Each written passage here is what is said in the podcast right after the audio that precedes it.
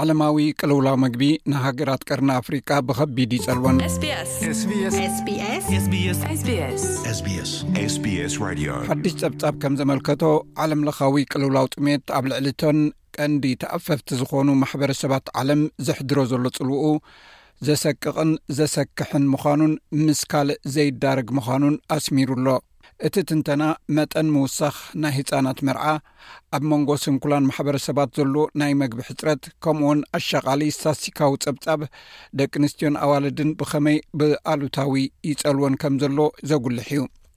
ብምኽንያት ግጭት፣ ለውጢ ኩነታት ኣየርን ኮቪድ ዓሰርተ ትሽዓተን ውሕስነት መግቢ ኣብ ከቢድ ቅልውላው ወዲቕሉ ዘሎ እዋን ናይ ሰብኣዊ ትካላት ዘይከኣል ውሳኔታት ክገብሩ ይግደዱ ኣለዉ። ሓገዝ ንምሃብ ካብ ዝጠመዩን ብዓጸቦ ዝተሃስዩን ክመርጹ ይግደዱ ኣለዉ እቲ ሓድሽ ጸብጻብ ነቲ ዓለም ለኻዊ ቅልውላው ጥሜት ኣብቶም ኣብ ዓለም ዘለዉ መሳኪን ጉጅለታት ዘሕድሮ ዘይምዕሩይ ጽልዋ እውን ኣጉሊሑ እዩ ፕላን ኢንተርናሽናል ናይ ጥሜት ቅልውላው ቀይሕ መስመር ደረጃ ቅልውላው ምዃኑ እዩ ገሊጽዎ ዘሎ ኣብ ጥንኩር ኩነታት ንዝርከባ ሸሞንተ ሃገራት ኣፍሪቃ ማለት ኬንያ ኢትዮጵያ ሶማል ደቡብ ሱዳን ማሊ ቡርኪናፋሶ ኒጀርን ሃይቲን ጎሊሐን ተጠቒሰን ዘለዋ ሃገራት ኮይነን ኣብ ከቢድ ቅልውላው ዘለዋ እየን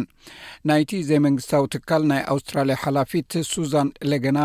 እዚ ናይ ቀረባ ግዜ ጸብጻብ ክትውሕጦ ኣጸጋሚ ኮይኑ ከም ዝረኸበቶ እያ ትገልጽ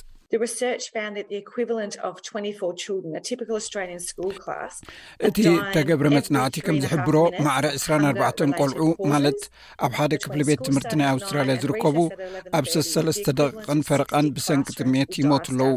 ካብ ሰዓት ትሽዓተ ቅድሚ ቀትሪ ጀሚርካ ክሳዕ ሰዓት 1ሓ ፈረቓን ኣብ ዘሎ ግዜ ሱሳ ናይ መምሃሪ ክፍሊ ዝህልው ብሰንኪ ጥሜት ይሞቱ ነዚ ቁፅሪ ኣብ ኣእምሮይ ከሰላስሎ ዘይክእል እየ ብምልዮናት ዝቁፀሩ ሰባት ነቲ ጥሜት እንብሎ ነገር ኣብ ኣፍ ደገ ይቃፀዎም ኣሎ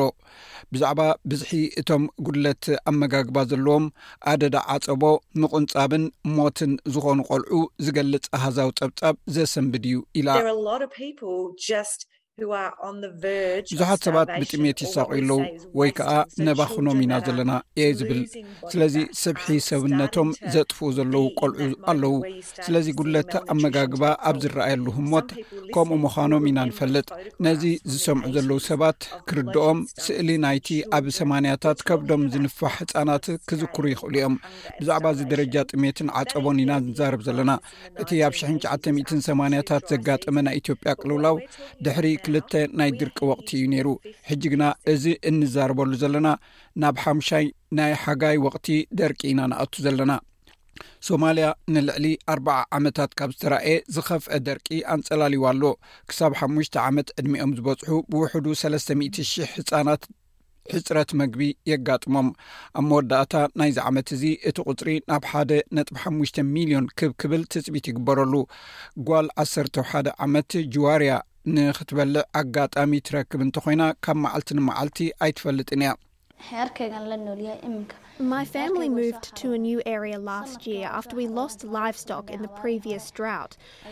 ኣብ ዝሓለፈ ዓመት ብሰንኪ እቲ ዘጋጠመ ደርቂ ማልና ምስ ጠፍኣ ስድራ ቤተይ ናብ ሓድሽ ከባቢ ግዒዞም ሕጂ ድማ ምስ ዓባየን ኣደይን እነብር ኣለኹ ሓደ ሓደ ግዜ ቁርሲ ኣለኒ ሓደ ሓደ ግዜ ድማ ኣይረኽቦን ቁርሲ ኣብ ዝህልወሉ ጽቡቕ ይስምዓኒ ቁርሲ ኣብ ዘይብለይ ግዜ ግን ይሓምም መብዛሕትኡ ግዜ ናብ ቤት ትምህርቲ ኸይድ ፀሓይ ኣዝያ ብርትዕቲ እያ ትምህርተይ ምስ ወዳእኩ እሞ በታ ሃሩር ፀሓይ ምስ ከድኩ ከብደይ ይጉዳእ ሕጂ ኣባጊዕ ኣለዋን ኩለን እንስሳታት የለዋን እቲ መግቢ ከዓ ኣይተረኽበን ከም ደቡብ ሱዳን ዝኣመሰለ ሃገራት ንዓሰርተታት ዓመታት ዝቐፀለ ሰፊሕ ግጭትን ዕንወትን ኣሕሊፈን እየን እቲ ናይ ምምዝባል መጠን ይውስኽ ኣሎ እቲ ዓመፅ ድማ ፈፂሙ ኣይተወደአን ወዲ 1ሸተ ዓመት ኣደንግ ዝስሙ መንእሰይ እቲ ወትሩ ዝኸቦ ሂወት ከቢድ ምዃኑ እዩ ዝገልፅ ባጀታልቸ ደሩ ለለይ ንኩለው ከም ግቱራን ዶል ጸላእትና ወትሩ እዮም ዘጥቁዕና ንሕና ኩሉ ግዜ ክንሃድም ኢና ንነብር ንህዝብና መብዛሕትኦም ኣንስትን ቆልዑን ይጨውይዎም ሕጂ እቲ እንነብረሉ ከባቢ ዓንዩ እዩ እቶም ድሮ ኣብ ሕብረተሰብ ኣድልዎ ዘጋጥሞም ንሶም እዮም ኣብ እዋን ቅልውላው ኣዝዮም ብኣሉታ ዝጽለዉ እዚ ድማ ኣብ መንጎ ኣካለ ስንኩላን ሕብረተሰባትን ደቂ ኣንስትዮን ኣዋልድን እቲ ዘሎ ናይ መግቢ ዘይርግኡነት ዝያዳ ዝገሃድ ኣብ ኩሉ ነገር ብዙሕ ናይ ምውሳን ክእለት የብሎምን፣ ናይ ትምህርቲ፣ ንዋትን ኣገልግሎትን ክረኽቡ ዕድል የብሎምን። ስሳ ሚእታዊ ካብቶም ኣብዚ እዋን ዝጠመዩ ሰባት ኣንስትን ኣዋልድን እየን። ስለምንታይ ደኣ እዩ ከምኡ ዝኸውን? ምኽንያቱ ኣንስትን ኣዋልድን ማዕረ ደቂ ተባዕትዮ ክብሪ ከም ዘለወን ኣይሕሰባን እየን። ድሕሪ ኩሉ እየን ክበልዓ ዝግደዳ። እቲ ዘድልየን መግቢ ካብቶም ኣንጻር ጾተኣን ዝኾኑ ደቂ ተባዕትዮ ስለ ዝወሃብ፣ መብዛሕትኡ ግዜ ብግቡእ ከተኵራን ክሰምዓን ኣይክእላን፣ በዚ ኸኣ ካብ ቤት ትምህርቲ ይስጐጓ፣ ገሊኤን ትምህርቲ ኣብ መንጎ ይገድፍኦ።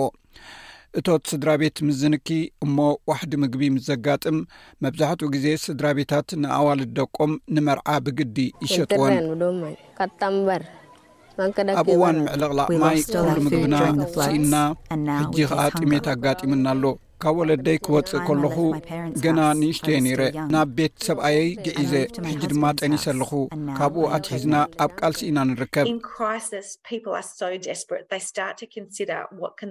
ኣብ እዋን ቅልውላው ሰባት እንታይ ክገብሩ ከም ዝኽእሉ ክሓስቡ ስለ ዝጅምሩ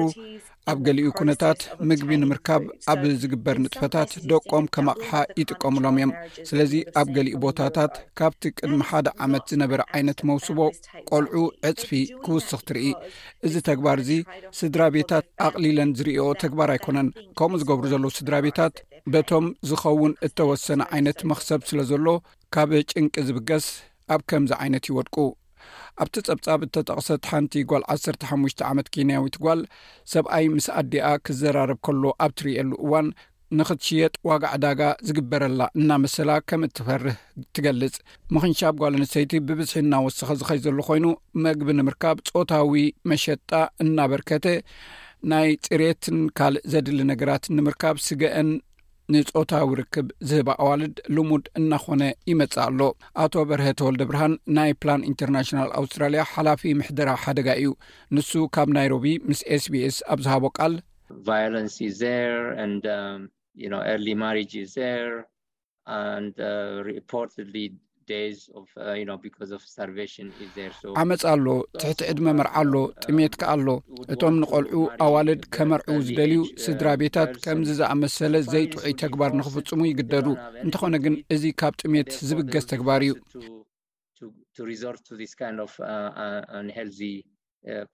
ኣቶ በርሀ ኣብ ከባቢ ደቡብ ሱዳን ኣብ ዝርከቡ ዝተፈላለዩ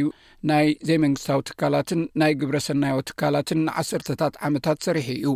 ኣብ 992 እታ ሃገር ኣብ ውግእን ምምዝባልን ተጸሚዳ ኣብ ዝነበረትሉ እዋን ኣብኡ ነይሩ ኣብቲ ግዜ እቲ ግን ጉጅለታት ረድኤት ንሰባት ዘድልዮም እኹል ዓለማዊ ቀረባት ከም ዝነበረ ይሕብር 222 ግና ካብዚ እተፈለየ ታሪክ ዘለዋ እያ ኢሉ the food supply, the shortage of the supply chain is really the, what is impacting and um, ሕጂ እቲ ቀረብ ምግቢ እቲ ሕፅረት ናይ ቀረብ uh, ሰንሰለት ኣዝዩ ዝፀለዎን ብዙሕ እውን ምስቲ ዘሎ ሕፅረት uh, ምወላ ዝተሓሓዝ እዩ ብድሕሪኡ ሰባት ብሰን ኮቪድ 19 ክሓርሱን ከፍርዩን ኣይከኣሉን እዚ ከዓ ክሊማ ግጭት ኮቪድ uh, ዘጠቓለለ እዩ ንክልትኤን እንተ ኣነፃፂርና ካብ ዓሰርተ ሳዕ ዝገደደ እዩ ፕላን ኢንተርናሽናል ኣውስትራልያ ነዚ ዝኸፍአ ፅልዋታት ናይ ቅልውላው ንምእላይ ናይ ሚትን ሓምሳን ሚልዮን ዶላር ባጀት ንምስላዕ ንመንግስቲ ለበር ይምሕፀን ኣሎ እቲ ናይ ቀደም መንግስቲ ማለተይ ምስ ካልእ ሽግር ዝተሓሓዝ እዩ ዝሰርሕ ነይሩ ኢለ ግምት እንተኾነ ብዛዕባ ኣውስትራልያ ኣብ ዓለም ዘሎና ኣጠማምታ ኣብ ጉዳይና ጥራይ ኢና ንሓሊ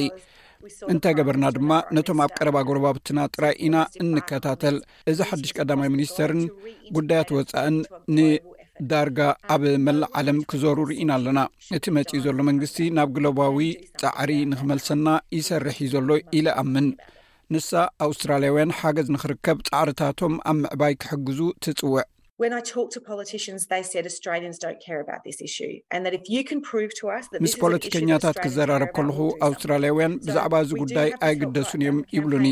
እዚ ጉዳይ ንኣውስትራልያውያን ከም ዘገድሶም እንተ ኣረጋጊፅክለይ ገለ ነገር ክንገብር ንኽእል ኢና ይብሉኒ ስለዚ እዚ ሓገዝ ናይ ጥሜት ንደሊ ኣለና ኢልኩም ንኣባላት ፓርላማኹም ክትፅሕፉ ንሓትት መንግስቲ ኣውስትራልያ ኣብዚ ጉዳይ እዚ ስጉምቲ ክወስድ ንደሊ ኢና ነዚ ዝግደሰሉ ኩሉ ኣውስትራልያዊ ክሓትት ኣለዎ እዚ ድማ ኣብ መበል ዕስራን ሓደን ክፍለ ዘመን ሰባት ብጥሜት ይሞቱ ከም ዘለዉ ምስ ኣባላት ፓርላማ ምዝርራብ የድሊ ምክንያቱ ኣብኡ ጸቕጢ ክሳብ ዝረኽቡ ስጉምቲ ኣይወስዱን እዮም እዚ ረድዮ ስቤስ ብቋንቋ ትግርኛ ዝፍኖ መደብ እዩ